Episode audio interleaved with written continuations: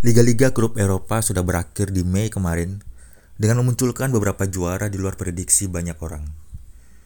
Seperti Lille dengan secara mengejutkan berhasil mengalahkan Paris Saint-Germain sebagai juara Liga Prancis. Ada Inter Milan berhasil meruntuhkan dominasi Juventus di Serie A Italia. Di Spanyol ada Atletico Madrid yang berhasil nyempil di antara persaingan antara Real Madrid dan Barcelona. Dan sebagai pamungkas, ada Villarreal bisa juara UEFA European League dan Chelsea juara Champions League. Apakah tren di klub-klub Liga Eropa ini bisa berlanjut di turnamen antar negara Euro 2020? Selamat datang di podcast Indie Talk.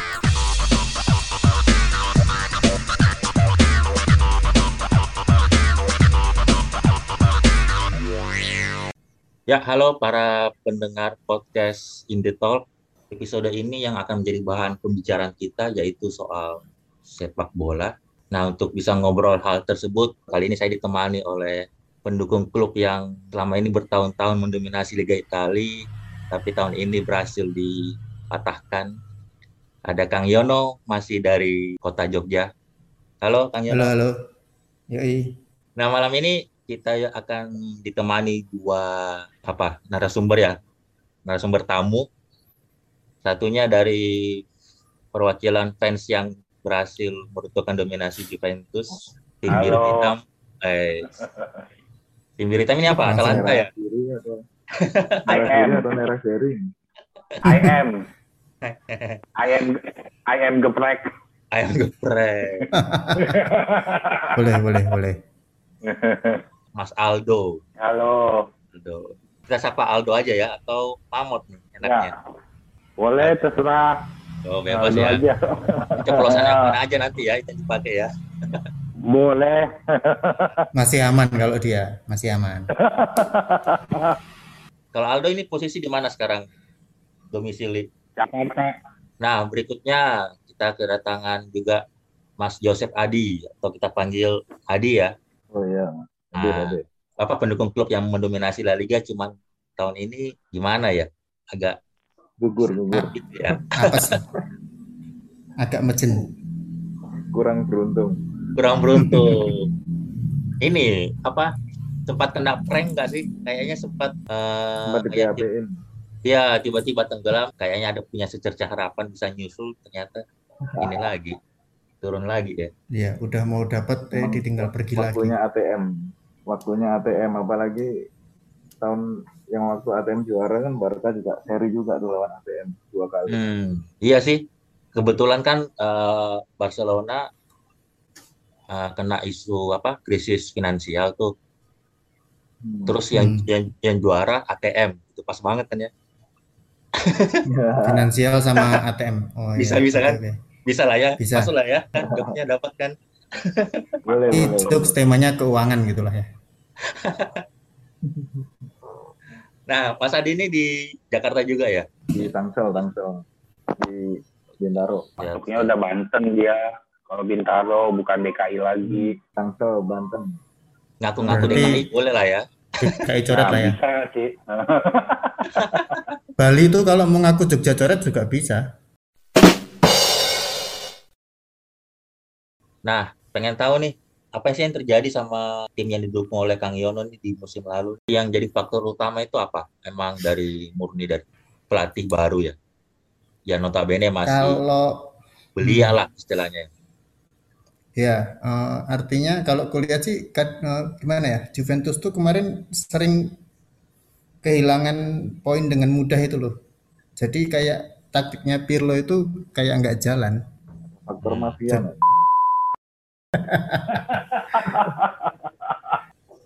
Membuat alumni Juventus yang lain senang gitulah. Conte kan senang dapat gelar. Meskipun habis itu dia cabut. Jadi Nah, ya aku mikirnya Juventus ini berderma. Nah ini kita langsung konfirmasi nih ke Aldo nih. Sebagai pendukung Nerasuri nih emang bisa juara karena faktor terutama Juve-nya lagi down atau dari Internya sendiri udah mumpuni aja udah dari awal. Bisa dua-duanya sih kalau menurut pengamatan saya, Mar. Hmm. Lagi down, Internya juga ya itu tadi mungkin faktor fokus di Serie A itu. Dan kayaknya dari awal udah disiapin buat jadi eh, apa istilahnya penantang gelar juara lah ya dari skuad maupun pelatih. Hmm. Kayaknya dari awal sih Inter itu emang udah nyiapin buat nantangin buat ditanya buat ngambil gelar juara, cuman kan ya baru tercapainya musim ini Hmm. seperti itu. Nah, dari awal Cuman musim ya nggak yakin nggak Inter bisa juara? Punya keyakin udah punya keyakinan nggak? waktu pas awal musim sih kalau saya pribadi jujur enggak lah karena Enggak. udah itu tadi Serie A tuh udah ident- identik Jupe gitu Sembilan tak sembilan musim cuy betul-betul klub mana yang bisa Iya, Oh, siapa pun itu bisa Iya. mana? siapa pun mafianya Juve pasti juara ya. Eh, salah ya. iya eh salah cuma ya begitu biasanya kan kalau sembilan musim juara liga gitu iya di championnya minimal bisa apa gitu kan Final gitulah ya. Heeh. Enggak bukannya kalah sama Porto gitu kan ya. Iya. Tapi sempat baca juga sih faktor selain Conte di Inter itu ada katanya direktur fisiknya gitu, yang pelatih fisiknya. Hmm.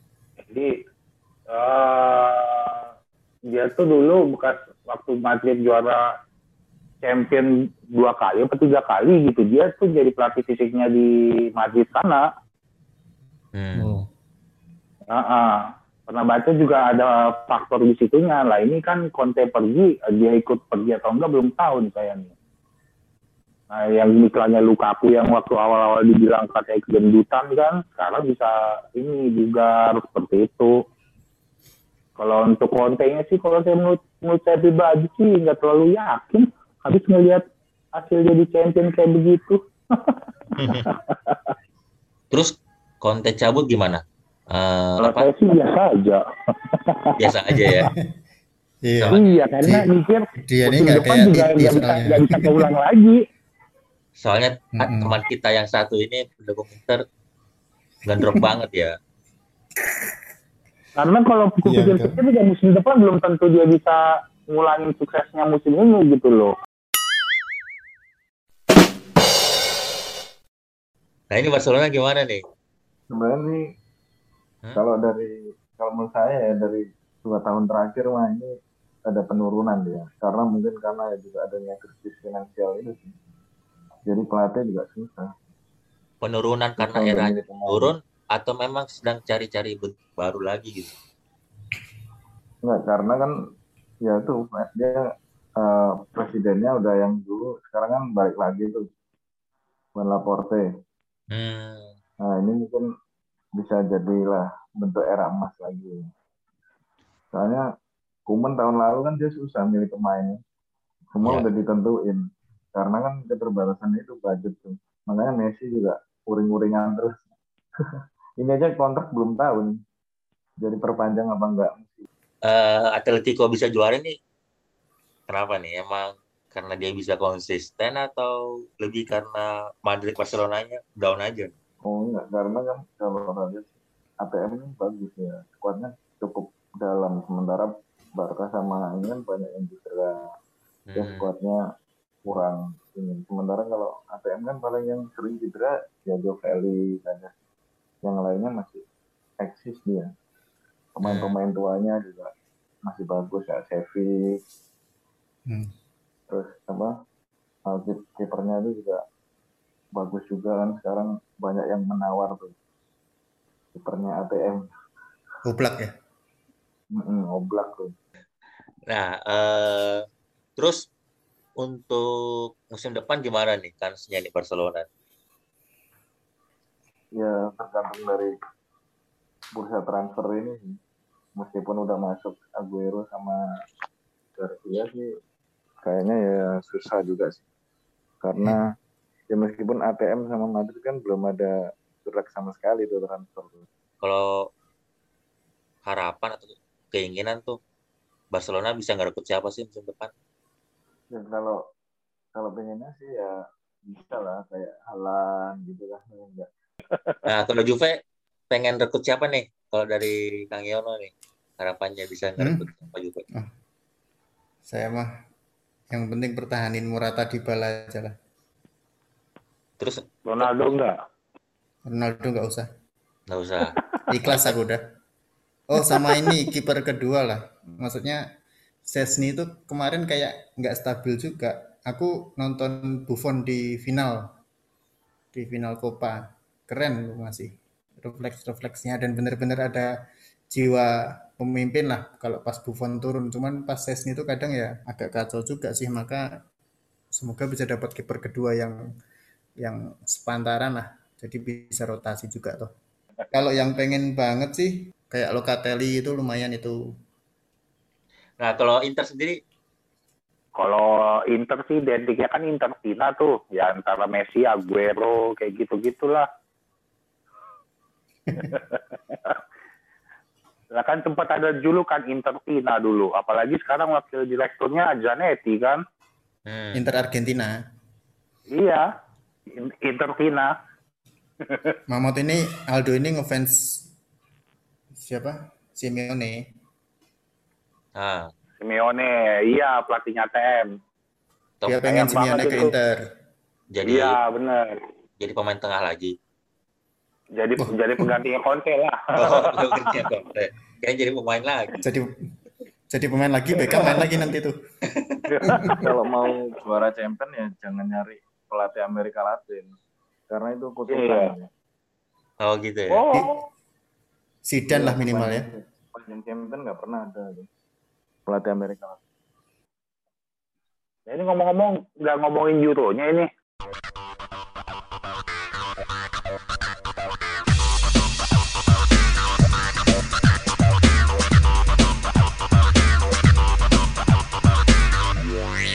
Kalian tuh tipikal penggemar sepak bola bapak-bapak old school nggak sih? Maksudnya gini, jadi saat uh, kalau lagi apa nggak ada turnamen besar Piala Dunia atau Piala Eropa itu ada mayam aja tuh ngikutin bola.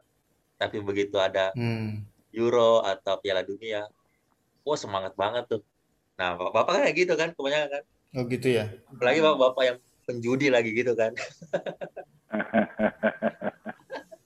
Iya, Dewa-dewa tidak judi ngerti. ya.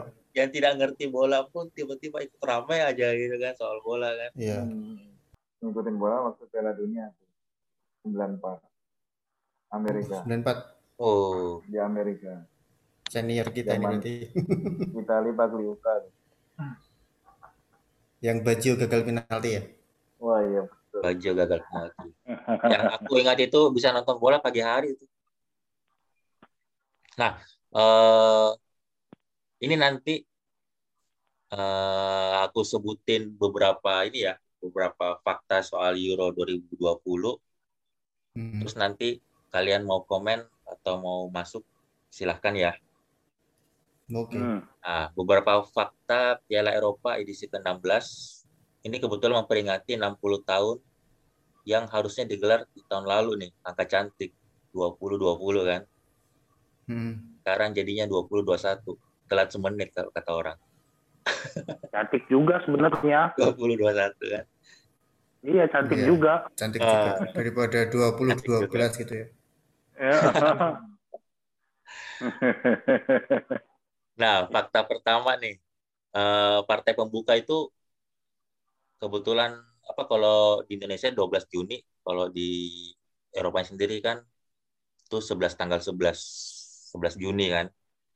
Dan Hmm. finalnya tanggal 11 Juli. Hmm. Nah, terus entah kebetulan atau disengaja itu diadakan di 11 kota di 11 negara. Yang kandidat awalnya itu tuan rumahnya itu Turki.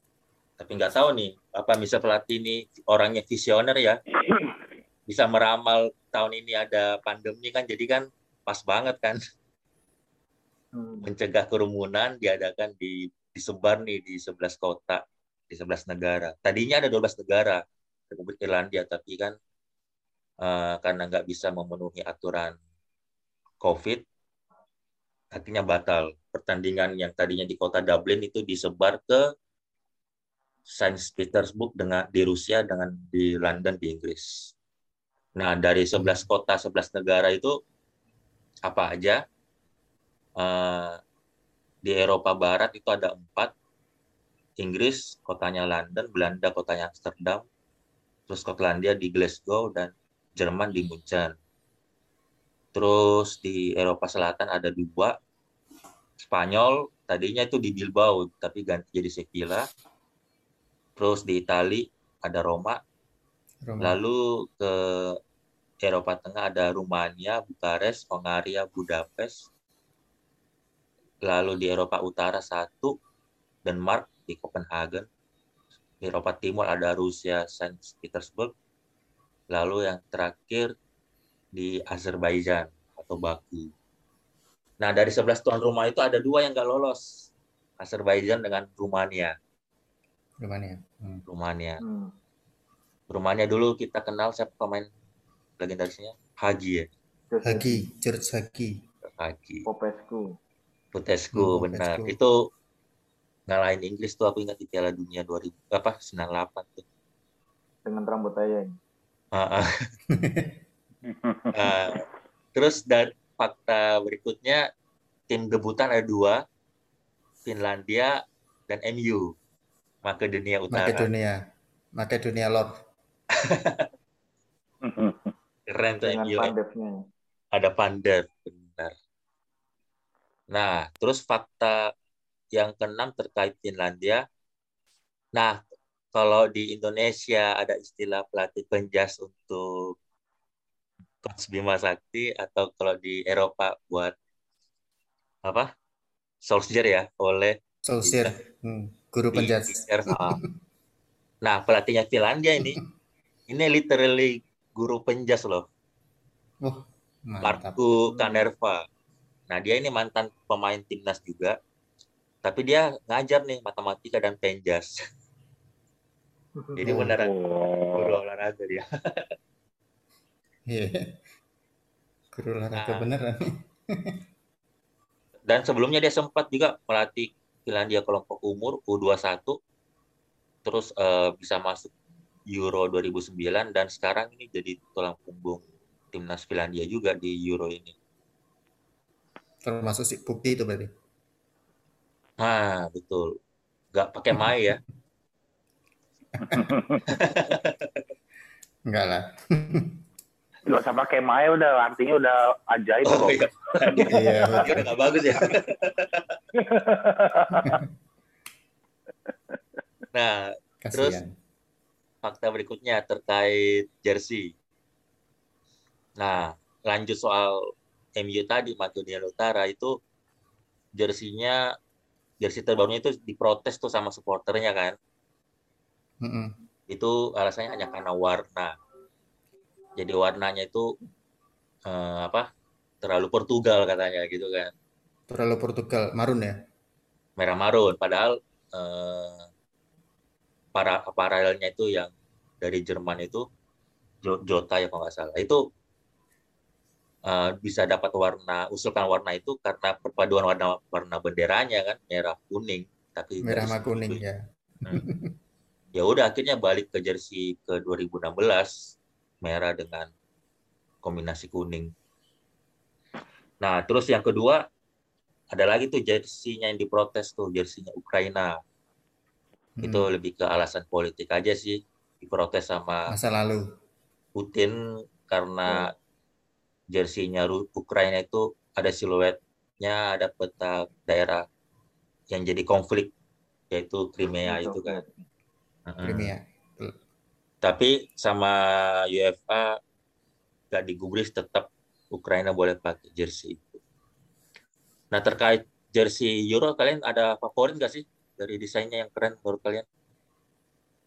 Beli Azuri lah tetap. Keren desainnya. Nah, Italia. Kalau masalah desain sih kayaknya Jerman itu dari dulu. Modis Jerman kalau dari dulu. apalagi jersey away-nya yang Sama. tahun ini kayaknya yang paling naik daun tuh warna hitam. Terus kalau Adi sendiri ada nggak jersey favorit? Tim favorit ya. Spanyol. Oh, Spanyol ya. Spanyol. Oh. Oke, untuk fakta berikutnya di Euro kali ini ada total ada 24 tim dibagi ke dalam 6 grup.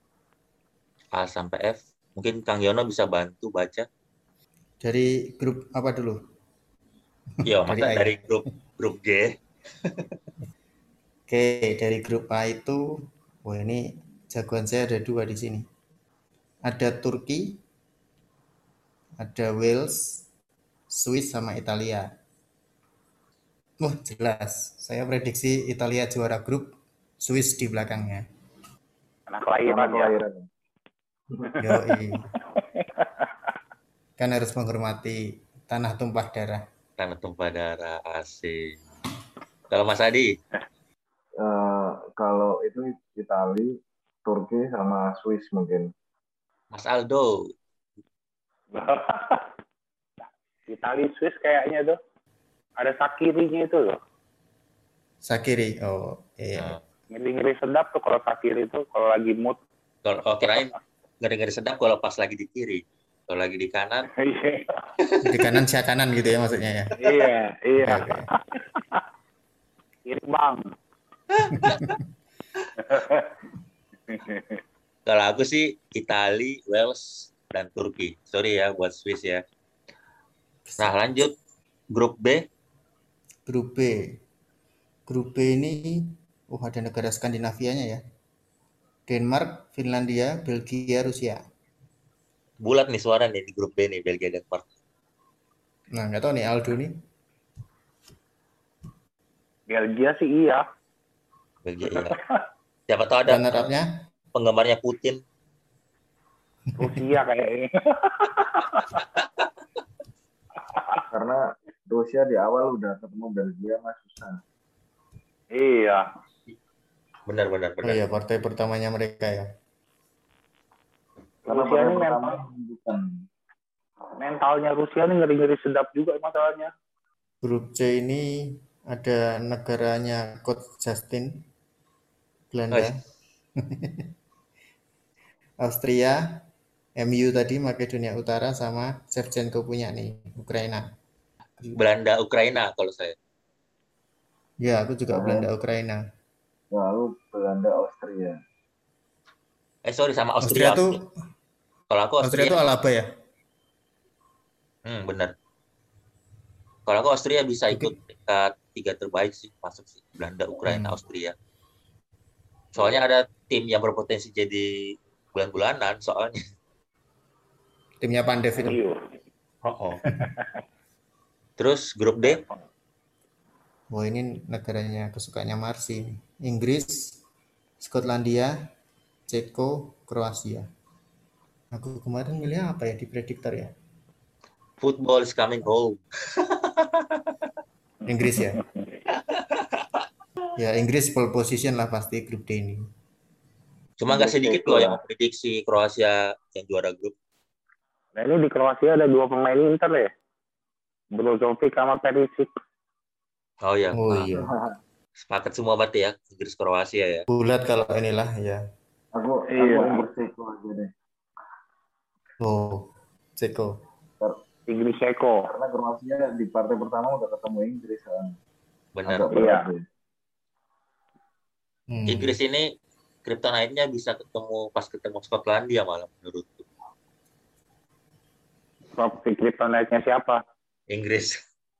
Inggris. Oh, Inggris kan nggak nggak berjodoh dengan turnamen ya. Bisa aja dia menang nih lawan Kroasia. Ntar bisa melempem nih lawan Skotlandia. Oke, grup Lanjut. E ini, oh ini Mas Adi punya nih Spanyol, Polandia, Slovakia, Swedia. Aku Iya, Spanyol, Swedia. Polandia sih. Pol- Bisa lah tuh lolos Iya. peringkat tiga terbaik. Bisa. Ada Spanyol pole position lah ya. ada Lewandowski.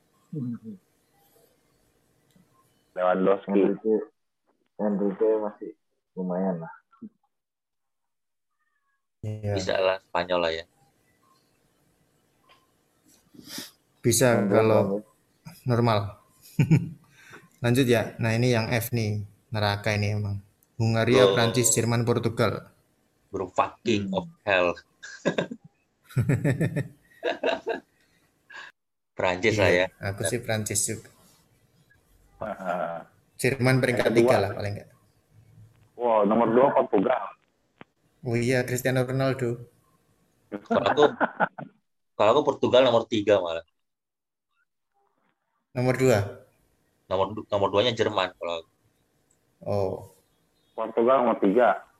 Portugal nomor tiga, tapi lolos ke tiga terbaik. hmm. hmm. Tahu-tahu Hungaria nanti peringkat pertama itu ya. Hungaria ini siapa ya pemainnya ya? Yang jadi sorotan. Ah, si Hungaria bisa aja aja naik tuh kalau si Puskas main lagi. Siapa? Puskas. Astaga.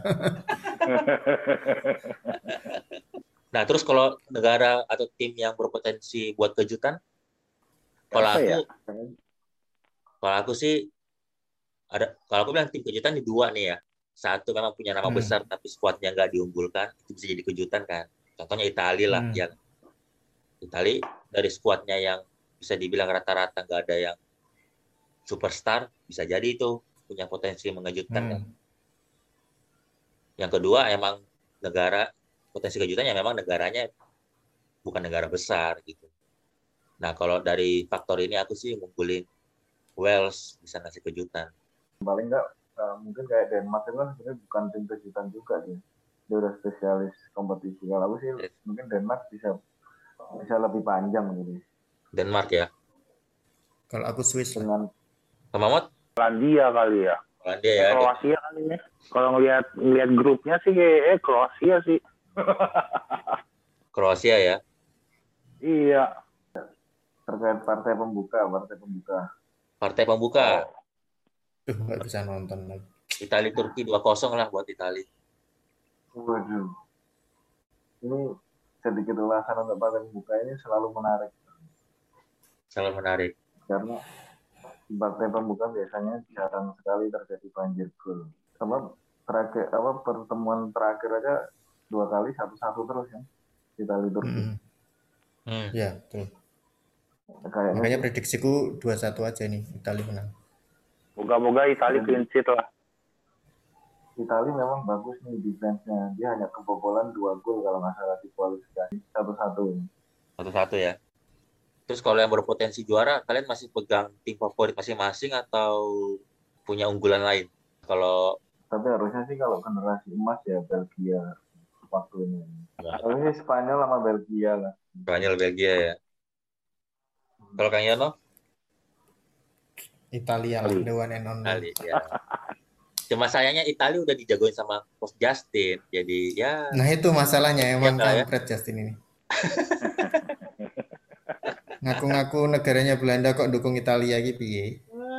kalau saya sendiri kan eh, tim favorit dari dulu ya Inggris kan ya.